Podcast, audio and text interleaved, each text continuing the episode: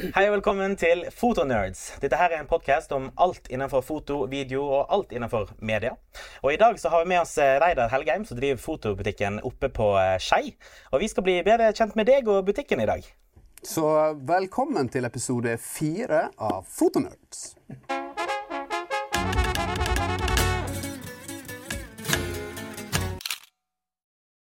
Det er ikke mange fotobutikker i Sogn og Fjordane som selger fotoutstyr som kamera, objektiv, kamerastativ, kamerasekker osv. Men vi har én butikk som har holdt det gående i mange år. Nærmere bestemt 77 år nå. Og eh, det er butikken vi sitter i nå. Alf Helgeheim og co. Bedre kjent som Helgheim Foto på folkemunne. da. For snart 77 år siden, mer nøyaktig den 23.12.1946, så ble Alf Helgheim og co. registrert med Alf Helgheim som eier, og søstera Åsta som medkompanjong. Formålet med firmaet var å drive salg av klokker, briller, kikkerter og gull- og sølvvarer. Og I tillegg så driver de med reparasjoner av klokker. Firmaet holdt den gangen til kombinert bostad på butikk på Helgheim. Men den 16.6.1973 så flytta Alf Helgheim co. over i nytt forretningsbygg på Helgheim, samtidig med at firmaet åpna ei egen avdeling for dagligvare. Her holdt jeg til i 14 år, før jeg den 25.9.1987 flytta klokke, foto, gull og sølv og musikkavdelinga til Skei. Dagligvareavdelinga på Helgheim fortsatte ei stund til, men ble nedlagt sommeren 1988. I mars 1996 så flytta de butikken til Coop Jølster sitt da nybygg på Skei, og har holdt til der siden den gangen, og det er her vi sitter i dag. I 1998 så overdrog Alf bedriften sin til sønnene sine Nils Magnar Helgheim og Reidar Helgheim, som i dag eier henholdsvis 45 og 55% av bedriften. Nils Magnar han bor i Oslo og har en annen jobb der, mens Reidar Helgheim jobber som daglig leder i butikken. I dag er det kanskje mest kamera og objektiv og kikkerter vi kjenner butikken for. Og butikken har kunder fra hele Sogn og Fjordane, og langtreisende kunder fra hele landet, faktisk. I det siste så har vi dessverre kunnet lest i Firde at brødrene har sett etter nye eiere av butikken, da de begge er kommet opp i en sånn alder at de kanskje har lyst til å drive med litt mer egenpleie. Kanskje vi kan kalle det det.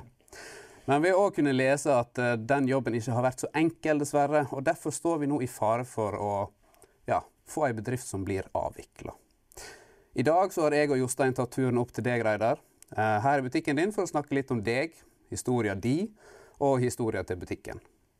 Så velkommen til Fotonerds, podkasten vår. Og takk for at vi fikk komme på besøk.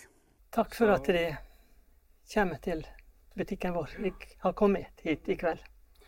77 år nå i desember. Ganske nøyaktig nå i desember. Ja. Det er ei lang reise. Det er det.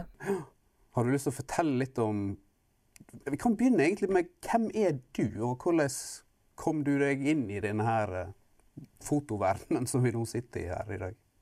Kanskje vi skal starte med at jeg var født i 1953. Fra jeg var fem år, kan vi si. Fra 1958. Det er vel det jeg kan kanskje mest eh, fra femårsalderen at jeg kan huske at vi har drevet butikk, og at uh, Ja. Broren min var født det året, Nils Magnar. Så det husker jeg da veldig godt. Og sto nede i kjelleren på gamlehuset på Helgheim og skulle se den nye gutten og hadde med en liten bil jeg skulle vise han. Men jeg ble litt skuffa, for han fikk, jeg ble ikke noen reaksjoner på hvor fin bil jeg hadde og ville vise meg han. Jeg ville, var, ble veldig glad for jeg skulle få en, leik, en bror og en lekekamerat. Det var 1958. Um, det var også det året at far min vant en tur til Sveits. Han var én av to som fikk reise til Sveits fordi han hadde solgt blant mest ur av et merke i Norge. Så det husker jeg da veldig godt. Og spesielt husker jeg da far min kom tilbake. For da hadde han en bil med som jeg fikk. En som var kabelstyrt. Jeg kunne svinge og snu på hjula. Det var en ledning. Hadde aldri sett noe sånt før. Kommer aldri til å glemme det. Jeg ble så glad, veit du. Ja. Det var 1958, ja. En veldig fin uh, tur som far min hadde hatt til, på ei veke til å besøke urfabrikkene i Sveits. De urfabrikkene som han hadde da solgt mange klokker allerede for. Men betyr det at det kom folk fra hele Ja, det- Norge og kjøpte da- ur? Allerede da så hadde han opparbeidet en stor kundekrets krets for først og fremst for å reparere ur. Men han hadde også begynt å sel selge Hadde solgt allerede fått bra salg av ur, nye ur også på den tid. Var det lokale kunder fra Jølster og sånt, eller var det langreisende kunder den gangen? Jeg har inntrykk av at det var mest Sunnfjord, Nordfjord-områder rundt her. Altså Sogn, Sunnfjord, Nordfjord. Mest Sunnfjord, kanskje. Men han eh, hadde mange kunder allerede da. Jeg, jeg ser jo for meg, altså, den, På den tida så ser jeg for meg at uh, klokker og sånne ting var på en måte en slags luksusvare. På, altså, det kosta jo sikkert en del å kjøpe klokke på den tida. Jeg vet ikke hvordan lå Kunne hver enkelt mann bare komme og kjøpe seg ei klokke? Lå prisene på et sånt nivå at det var mulig, eller var det på en måte mer litt for de som hadde litt bedre råd på den tida? Nei, jeg tror det han, far var veldig flink til å finne fram til veldig gode modeller som passte folk. De var da bønder, de fleste rundt omkring her. Fant fram til gode modeller som ikke kosta så veldig masse, men han visste å legge vekt på det som var vesentlig. Gode kasser, tåle fuktighet, tåle varme, kulde og slikt. Så jeg har inntrykk av at det, de ura var ikke så veldig dyre, men han fant fram til noen modeller. Og en av de modellene som han solgte mest av, fikk han da lov til å, å, å sette sitt eget navn på, dvs. Si Helgheim Sport. Og da husker jeg at han eh, minimum bestilling da var 50 stikk av ett ur. Jeg mener at han etterbestilte også. Neste på en måte årstall da, som jeg kanskje kan stoppe litt med, det var 1961. Inne med Helgheim kirke, som ligger ca. 400 meter fra der vi hadde butikken vår. Så ble det, eh, ble det en campingplass der som Aamodt, Anders og Anna Aamodt, eh, begynte å drive, eller bygge opp. Da ble det behov for litt dagligvare. ble spørsmål etter det. Så det første far min gjorde da, det var at han bygde en kiosk.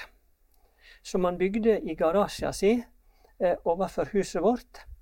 Og bygde hjul, hadde hjul på. Og når den var ferdig bygd, han gjorde det meste sjøl. Sånn som han gjorde med alt, nesten. Så trilla han den ned til veien. For da, når den står på hjul, så hadde den lov å stå ganske nær veien. Og på den åpningsdagen, så, da var jeg åtte år, så eh, hadde vi da, var vi to stykker som var der da. En som var et par år eldre, og så meg. Men da solgte vi litt, litt brus og litt dagligvarer og litt, litt sånne ting. Men vi var begynt med mye da. I 1961 så husker jeg at eh, far min begynte å selge grammofonplater, singleplate. Og det har vi faktisk igjen et lite lager av fra disse åra der, som jeg ikke kommer til å selge Ja. på noen måte. Nei, det må ikke du. Også LP-plate, men det var litt seinere. Da er vi 1965-6. Men, men i 1961, da, var det slik at far min han, han måtte ta inn 100 s- singleplater fra hver av disse leverandørene for å bli en autorisert forhandler av musikk. Og det gjorde han. Tok inn 100 stykker fra hvert av disse her eh, selskapene. Sikkert en 500-600 plater. Så han satsa litt da på det. Og jeg var da veldig interessert i dette her. Og folk kom nå lenger vekk ifra for å kjøpe og handle. Og jeg husker spesielt én som var fast kunde i oss fra Ja, jeg vet ikke hvor konkret jeg skal gå her, men det var nå iallfall fra nabobygda vår her, da. Som hadde ei folkevogn. Og han, de hadde et stereoanlegg i bilen for singleplater. De kunne putte singleplatene inn i anlegget og spille. Eh, kanskje er vi da framme til rundt 63. Det som jeg husker spesielt, da er jeg ti år gammel. Det var Beatles, og da var det Hollies, og da var det disse her som hadde sin store tid. Men de spilte så høyt, og det var de, de syntes det var kjekt å komme på butikken på Helgheim og få se så godt utvalg av plater. Og jeg kan vel si at fra den tid så var jeg egentlig ganske engasjert i fotoet. Følgde med nyhetsbrevene som kom i posten fra disse plateselskapene.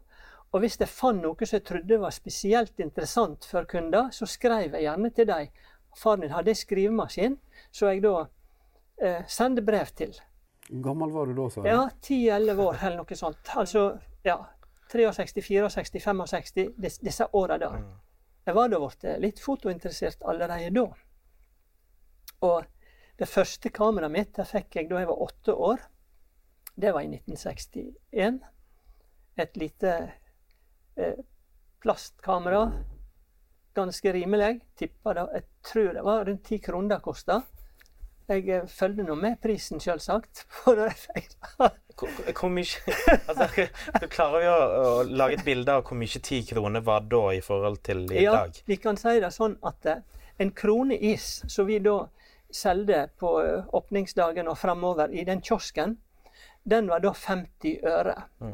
Så eh, 10 kroner da, det var 20 iser da. Men det var et veldig billig kamera. Ja, sant. Så da jeg var ti år, i, i eh, 1963, så fikk jeg til tiårsdagen et uh, litt bedre kamera. Et Kodak Instamatic 224. Med sånn du kunne ha blitskube på og sånt. Det var kassettkamera. Det var 126 film. Kvadratiske bilder. Kult. Og jeg hadde nå fått inntrykk av at det var lurt å bruke diafilm, så lysbildefilm, så det var nå det jeg satsa på da, kan vi si, og brukte. Jeg har veldig mange bilder fra den tida. Har nok ikke fått sett så mye på det på disse her åra som har gått fra jeg var ti år til jeg nå er 70 år, men det skal jeg nå ta fatt i litt etter hvert. For du har dem godt plassert på loft eller I lag kjelleren? med bilder til far min og sånt. Han har tok masse bilder, han òg, da. Ja. den tiden, så. Mye ukjente skatter som sikkert kommer til å dukke opp. Ja, for nå, nå, nå har du vært innom ur.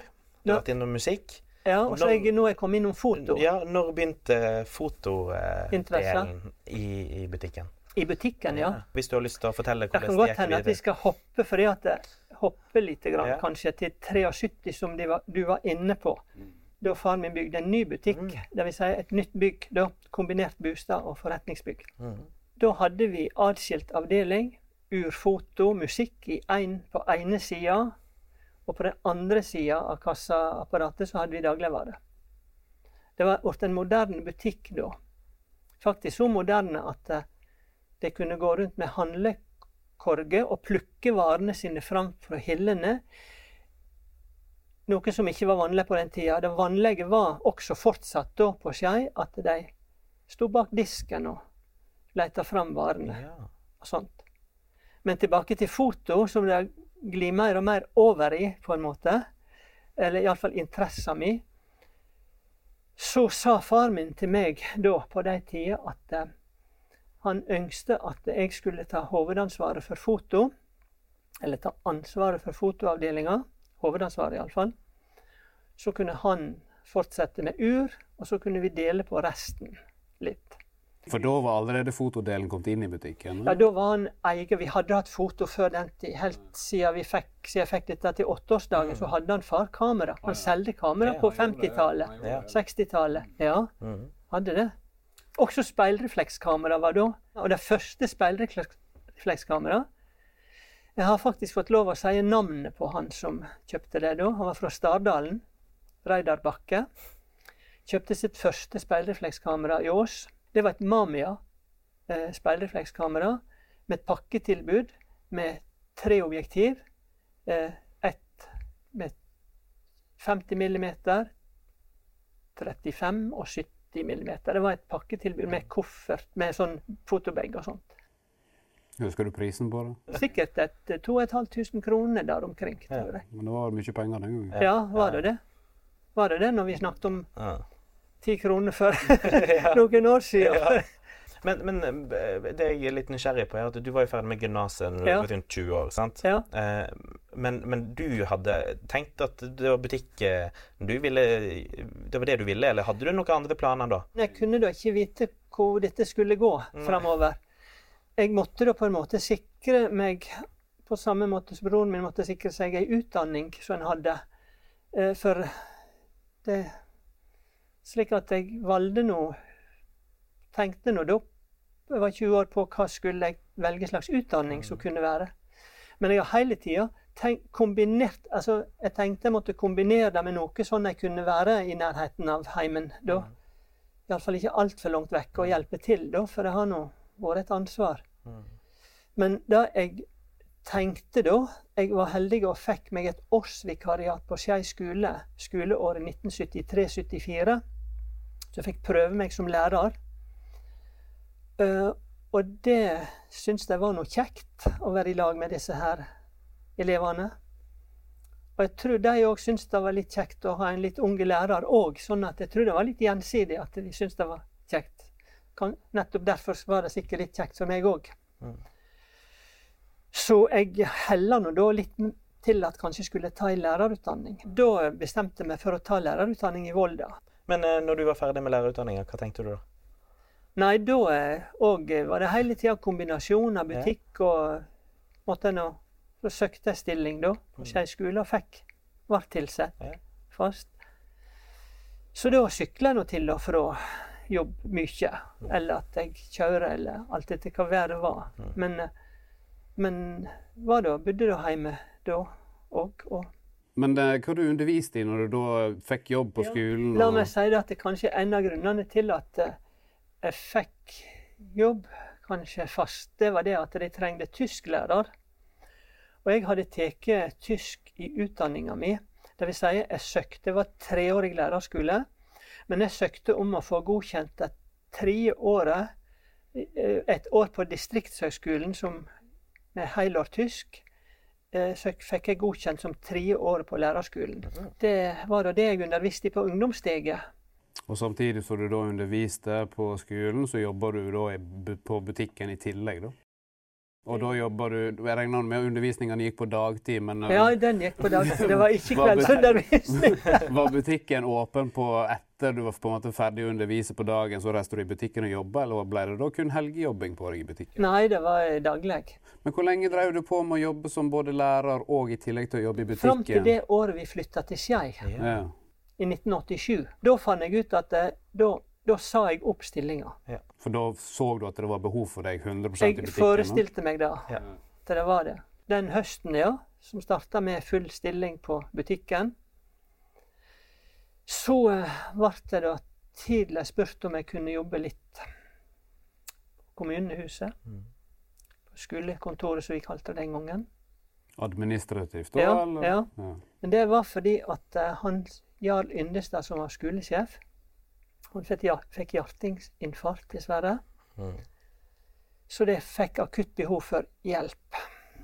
Så da tok jeg en halv stilling og sa ja til det skole, det resten av det mm. skoleåret.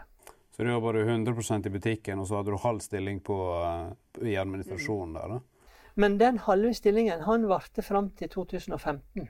Oi. Jobber du der så lenge? Ja, i halv, halv stilling. Så du har drevet butikk i alle disse åra her? Ja, men jeg har nå ordna meg litt likevel. Oi! Ja, ja. ja. Jeg trefte da ei som heter Randi ja, i 1996.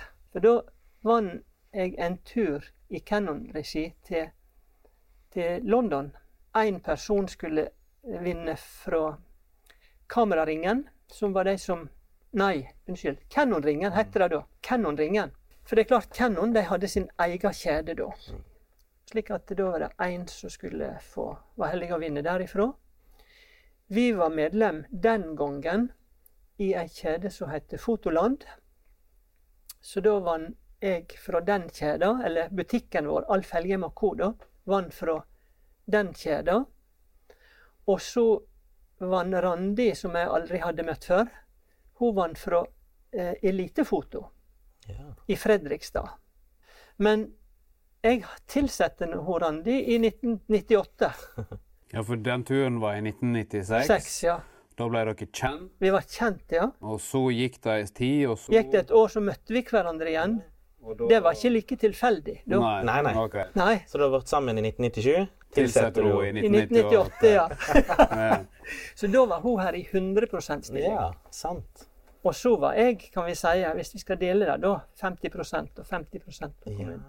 Fram til 2015. Eh, Randi kom hit, begynte å jobbe fra 1. januar, 2. januar i 1998.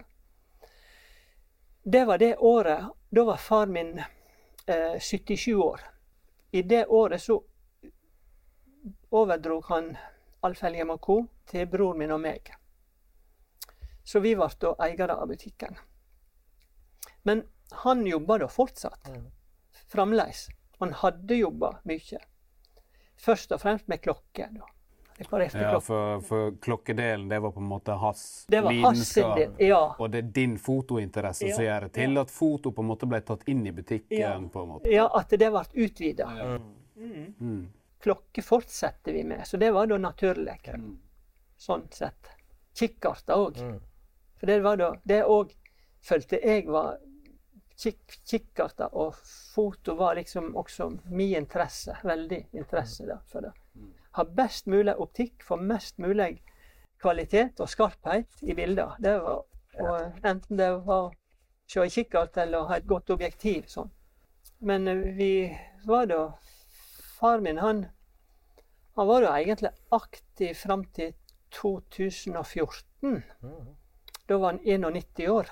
Og han jobba aktivt i butikken fram til det. Egentlig, men du vet, han Da tok han det noe mer sånn at han tok sykkelturer inn til Skei og utførte en del ureparasjoner her, men tok med seg klokka hjem og reparerte. Men sto på butikken hvis det var nødvendig. Ja, ja, han gjorde det. Og eh, var nå aleine òg av og til, sånn, men stort sett var hun Randi, vet du. Det var det hun som jobba, hadde fast der. Ja. Men faren min var da veldig flink å, og vise Randi hvordan hun skulle eh, skifte batteri og ordne med småting i klokke òg. Sånn at eh, vi hadde nå en viss kompetanse, vi òg, på etter hvert litt på ur òg. Men det var alltid han som reparerte dem. Og jeg har vel aldri hatt Hadde jeg visst mer interesse for ur, så hadde jeg sikkert kunnet være en urmaker òg, men det har jeg aldri kunnet sagt at jeg har vært. Og aldri har jeg tatt på meg å reparere ei klokke. Fordi at jeg har aldri tatt meg tida til å ta imot den informasjonen som jeg kunne ha fått, sikkert. Jeg hadde nok med foto og holde styr på alt der som skjedde, og bestille inn og følge kunder opp i lag med Randi. Men Randi var så flink. Hun hadde så god erfaring. Hun hadde jobba 25 år nesten i elitefoto da jeg trefte henne. Hun tok da fotoutdanning òg. Det hadde jeg aldri gjort. Nei. Hun tok fotoutdanning Du på yrkesskolen. For den, den formelle utdanninga du har, det er lærerutdanninga egentlig. Ja. Du har ikke noe formell fotoutdanning. da. Det er bare interesser og Ja. det. På en måte litt samme måten som far. Han har aldri tatt noe urmakerutdanning. Han har lært seg det ut fra interessen sin. Selgde den første klokka si i jeg tror det var i 1938. Det var da ikke noe som jeg husker. Men uh, til en som heter Edvard Hus, da. Men, men det jeg er litt interessert i, Ja. er liksom For dere har jo da vært med på utviklinga Ja. i foto. Ja, ja. Eh, og, og, og gått fra digital Nei, Analog. analog til digital til speilløst Eller speil til speilløst. Altså, dere har sett hele denne her endringa. Eh, men hva vil du si er den største endringa du opplevde? Ja, det da omstillinga fra analog til digital. Og hvordan føltes det ut? Ja, var da litt lunken til det. Jeg syns det var elendig kvalitet vi fikk ut av dette her nye. Så det var ikke noe kjekt å selge det. Jeg holdt nå på å selge analogt til jeg ble litt mer overbevist om at det var bra greier. Og det ble nå ikke noe skikkelig bra egentlig før du kommer ut i Jeg husker de første modellene var i 2000 og ja, 2006. Da begynte det å bli noenlunde. Da kom EOS 450D. Så hadde tidligere tre EOS 3 Canon, hvis det holder meg til Canon, da, som var mye av det vi solgte. 300D og sånt. Så uh, var det da begynt å bli bra hvis du hadde bra optikk på. Absolutt, da. Men jeg har et um, Jeg kjøpte nå sjøl privat da til meg sjøl et eh, det siste analoge Canon-kamera EOS 3. Det tilsvarer nå på en måte dagens eh, 5D Mark 3 for eksempel, eller Mark 4. sånn. Ja. Eh, det var 2001. Det betyr at da var jeg ikke noe imponert over det digitale. Det var Mm. elendige greier, tykte jeg. Mm. Men eh, det, ble nå, det er nå da de la ned kreftene sine. Og det ble nå bedre etter hvert. Hva, er det et spesielt digitalkamera som du sier, eller så du kan se at dette var det kameraet som overbeviste meg om at nå er kvaliteten faktisk blitt såpass god at dette her er noe jeg kan gå god for? Ja, det var da på en måte når det kom disse her 2005, 2004, 2005, 2006, da, og jeg likte nå veldig godt å selge disse kameraene med bedre optikk enn det som de ble levert med. da, fordi at det var da disse vanlige 18-55 Ja. som ikke hadde noe sånn særlig i lag med dårlig oppløsning og alt sånt, så eh, måtte det nå kompenseres med at de burde helst kjøpe litt bedre optikk. Ja. Så eh, kanskje fra og med da da, men eh, siden ble det nå etter hvert veldig bra. da. Med tanke på I dag er det jo stort sett kamera og objektiv, kikkerter en del. Det er vel ikke like mye klokke i dag som Nei. det var. Nei. Når merker du overgang, eller når gikk butikken i en overgang fra å ha klokke som eller man kan si 50-50-fordeling mellom klokke og kamera til å bli mer en kamerabutikk? Ja, prosentdelen på foto øker nå fort, fordi at her ble det etter hvert snakk om store omsetningsbeløp. Ura holdt seg nå på ikke så Det var nå ikke så mange ja, hundrelappene det kosta, eller tusen, par tusen. Eh, Men det ble nå fort at det, det ble mye mer foto. Andelen der økte. I dag har det nå eh, de siste åra, for da vet jeg da konkret at det det lå på rundt eh, ja, foto av kikkerter, 90 Mm. ca. Jeg tror vi kan si 90 eh, foto av kikkerter. Og så eh, 10% resten som da er ur. Da skjønner vi hvor lite det har blitt. Ja. Ur da. Det er nå fordi at far min han reparerte klokker fram til 1994. Og deretter sender vi urreparasjonene til ei som har jobba hjå en av ur, urleverandørene våre. Mm.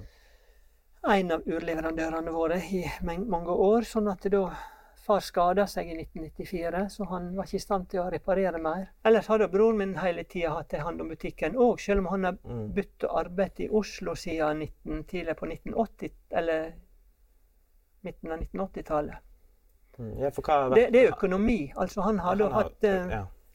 hovedansvaret for økonomi og regnskap og sånt. Mm. Så han har da fulgt nøye med, han òg. Ja. Hvor det går. Er det sånn at han ringer deg av og til og sier du, nå må vi Ringer meg ofte og spør Ja, vi hvordan det har gått i Ja, dag. og sånt. Og optikken er det at Ja. Ofte er det positive ja. omsetningstall jeg kan vise til, og av og til er det litt av dette. Men er han, er han litt rådgiver òg? Altså litt Ja, sånn, ja, ja, absolutt. Vi diskuterer. tips til Ja, ja. hva du kan gjøre for å Ja, ja, vi, fikse økonomien, eller, eller få inn mer varer, den typen? Altså ja, ja. Litt mer, sånn. ja, vi snakkes litt.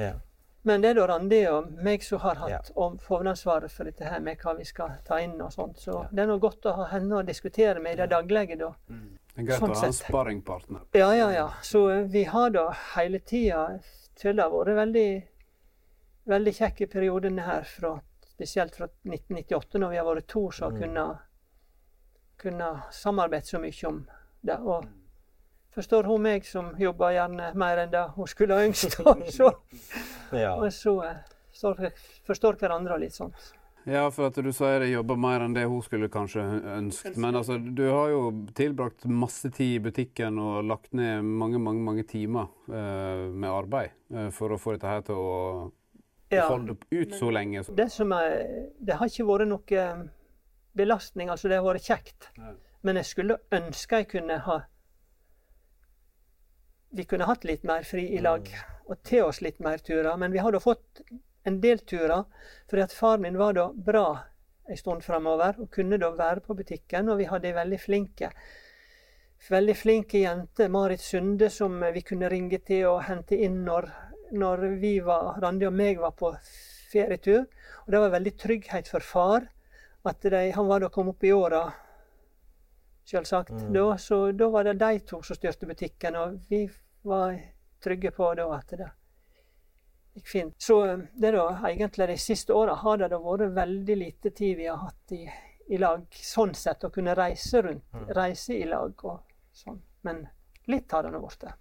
Vi har han Jostein Vedvik, har vi nå spurt.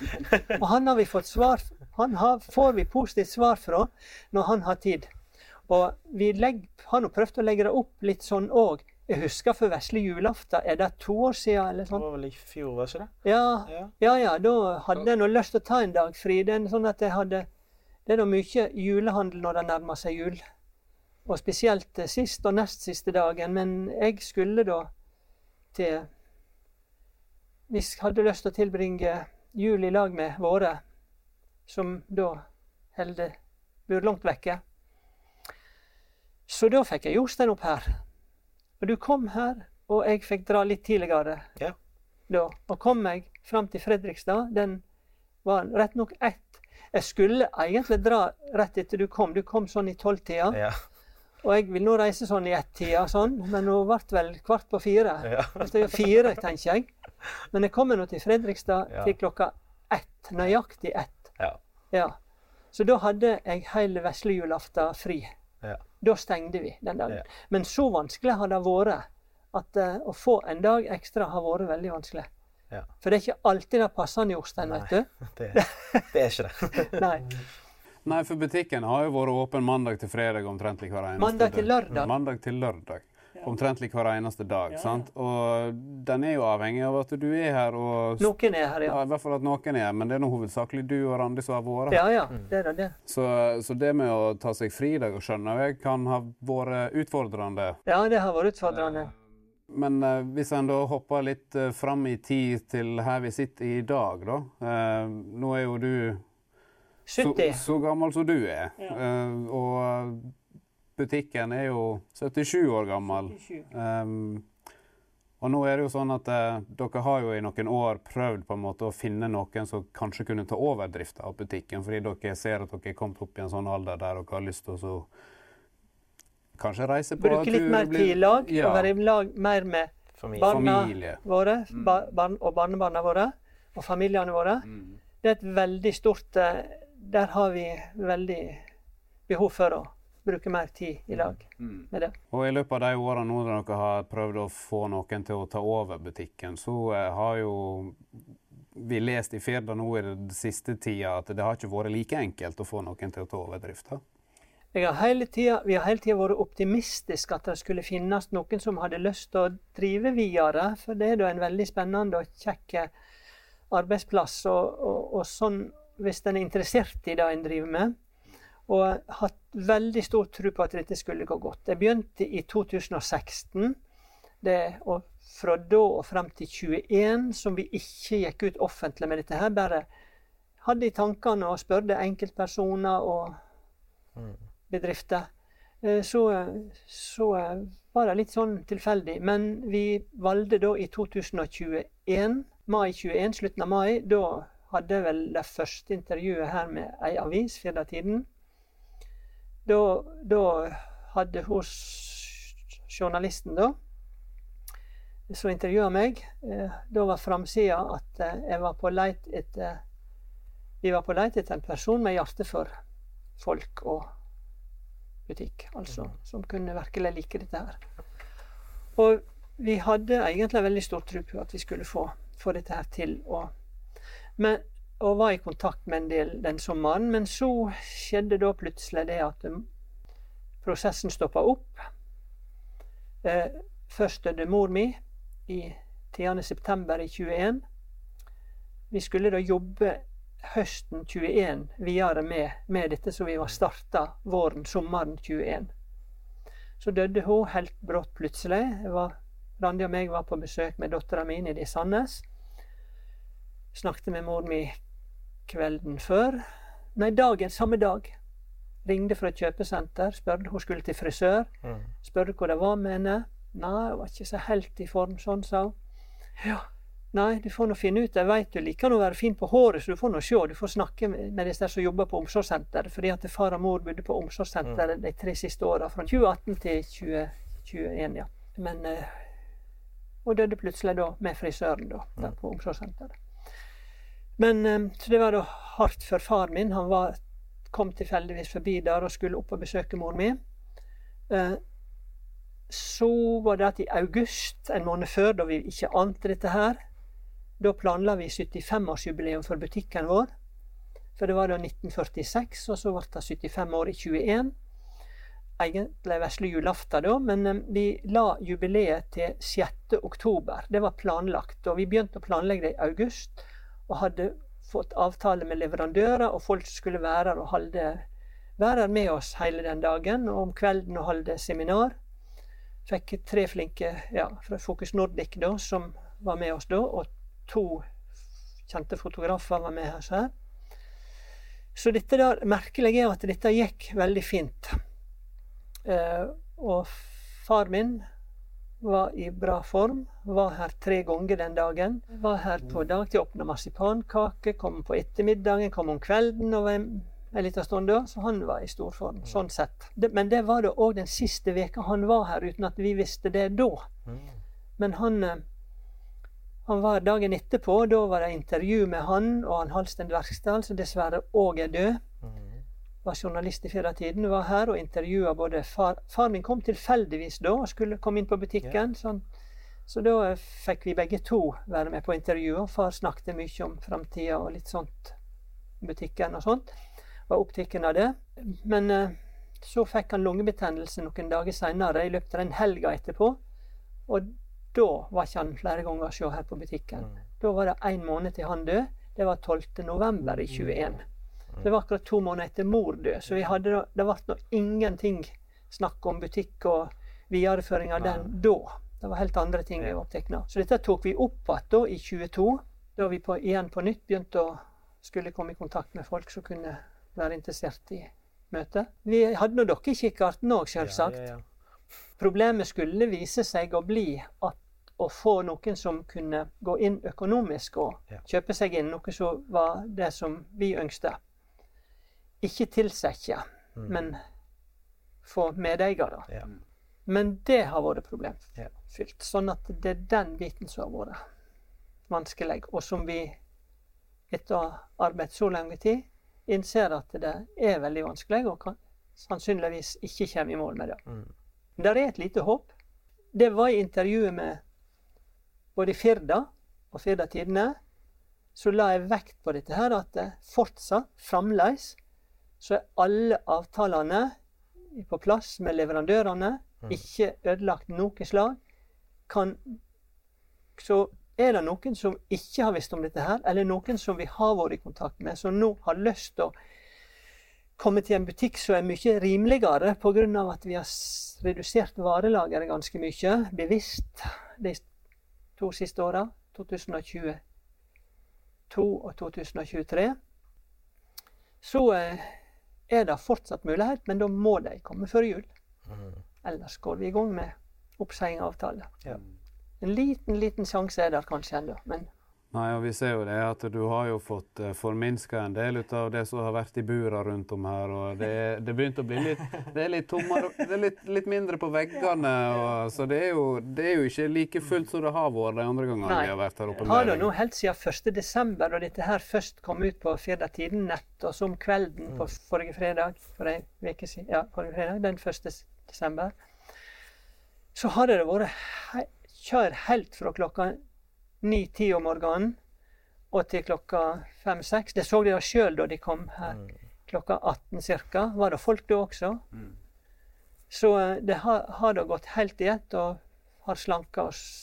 Det er ikke rart. Det har minka. Det viser godt at det, det har vært stor omsetning alle dagene. Ja. Men det blir nok ikke tomt til den 21. da vi har sett som siste dagen. Ja. Ordinære driftsdagen vår. Og så får vi ta det derifra og se hva som har skjedd.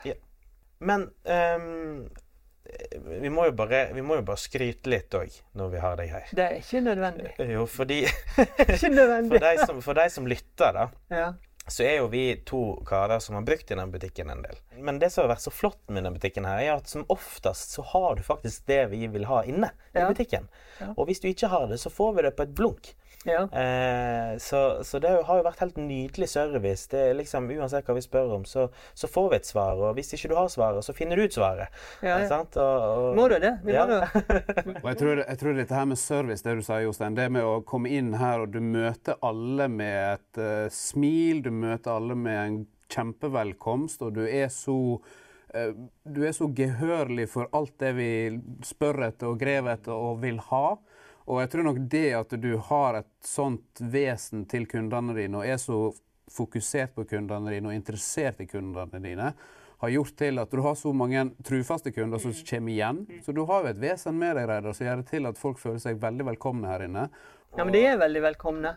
Og det er alltid så kjekt å være i lag med disse kundene. Og jeg kommer til å sakne det enormt, egentlig. Men jeg blir da veldig glad for å kunne bruke mer tid i lag med familie. Og, sånn. Men, men litt tilbake igjen til denne service. Når jeg er på roadtrips med mine venner, fra land og strand, fra Oslo, fra Bergen, fra overalt, så tar jeg med inn i butikken. De hilser på deg. Vi ser litt på produkt, og det er ofte man tar med en liten ting, sant? for man Ja, ja. trenger noe. sant? Minnekort eller et eller annet. Og så tar vi alltid et bilde. Ja. Og så skriver du ut bildet, og så legger du det i en konvolutt og skriver på dato, dato og en hilsing. Eh, og det som er så kult, er at mitt kjøleskap det er, det er fullt av bare sånne bilder. med, med liksom Med datoer. Med, med datoer, mine venner, og, Ja, ja, Og, ja. og det er så utrolig flotte, gode minner. Så det blir jo et sterkt savn. Det blir det. Vi håper at det, vi slipper å avvikle det. Ja, det er jo det som er målet. De må komme snart. Ja, det må springe. De må springe. Nei, men eh, jeg syns det har vært utrolig kjekt å få sitte her med deg nå i jeg vet ikke, Vi tror vi har sittet her i godt over en time snart. Over en time. Det vil nå vise seg når vi begynner å Men når vi har fått snakke om det mest vesentlige, det vet ikke jeg. Det vet ikke jeg heller. Det skal nå litt til å dekke 77 år med butikkdrift, Ja, det skal det. tenker jeg. Så, så hvis ikke du har noe ekstra på hjertet som du har lyst til å få frem Nei. Jeg, nei, jeg kan da Det er mye jeg kunne dratt fram. ja. Nei, la meg være oss. Jeg tenker vi har fått fram en del. ja. Noen ting. Da vil jeg bare si tusen takk, Reidar, for at vi fikk lov å sitte her med deg i dag. Tusen takk for at dere kom, og kjekt å være med dere. Jeg ante da ikke hva jeg skulle gå til. Jeg kan nå veldig lite om dette her, så de driver med her. Så, ja, veldig kjekt. men det var veld, har vært veldig kjekt, ja. Så håper jeg at de som lytter på, og de som eventuelt ser på, òg har dratt nytt ut av eh, samtalen og Får vi endelig håpe. lære deg og butikken å kjenne litt bedre. Ja. Og spesielt, og hvis dette nå er da avvikling av butikken, så har vi i hvert fall et minne om Ja.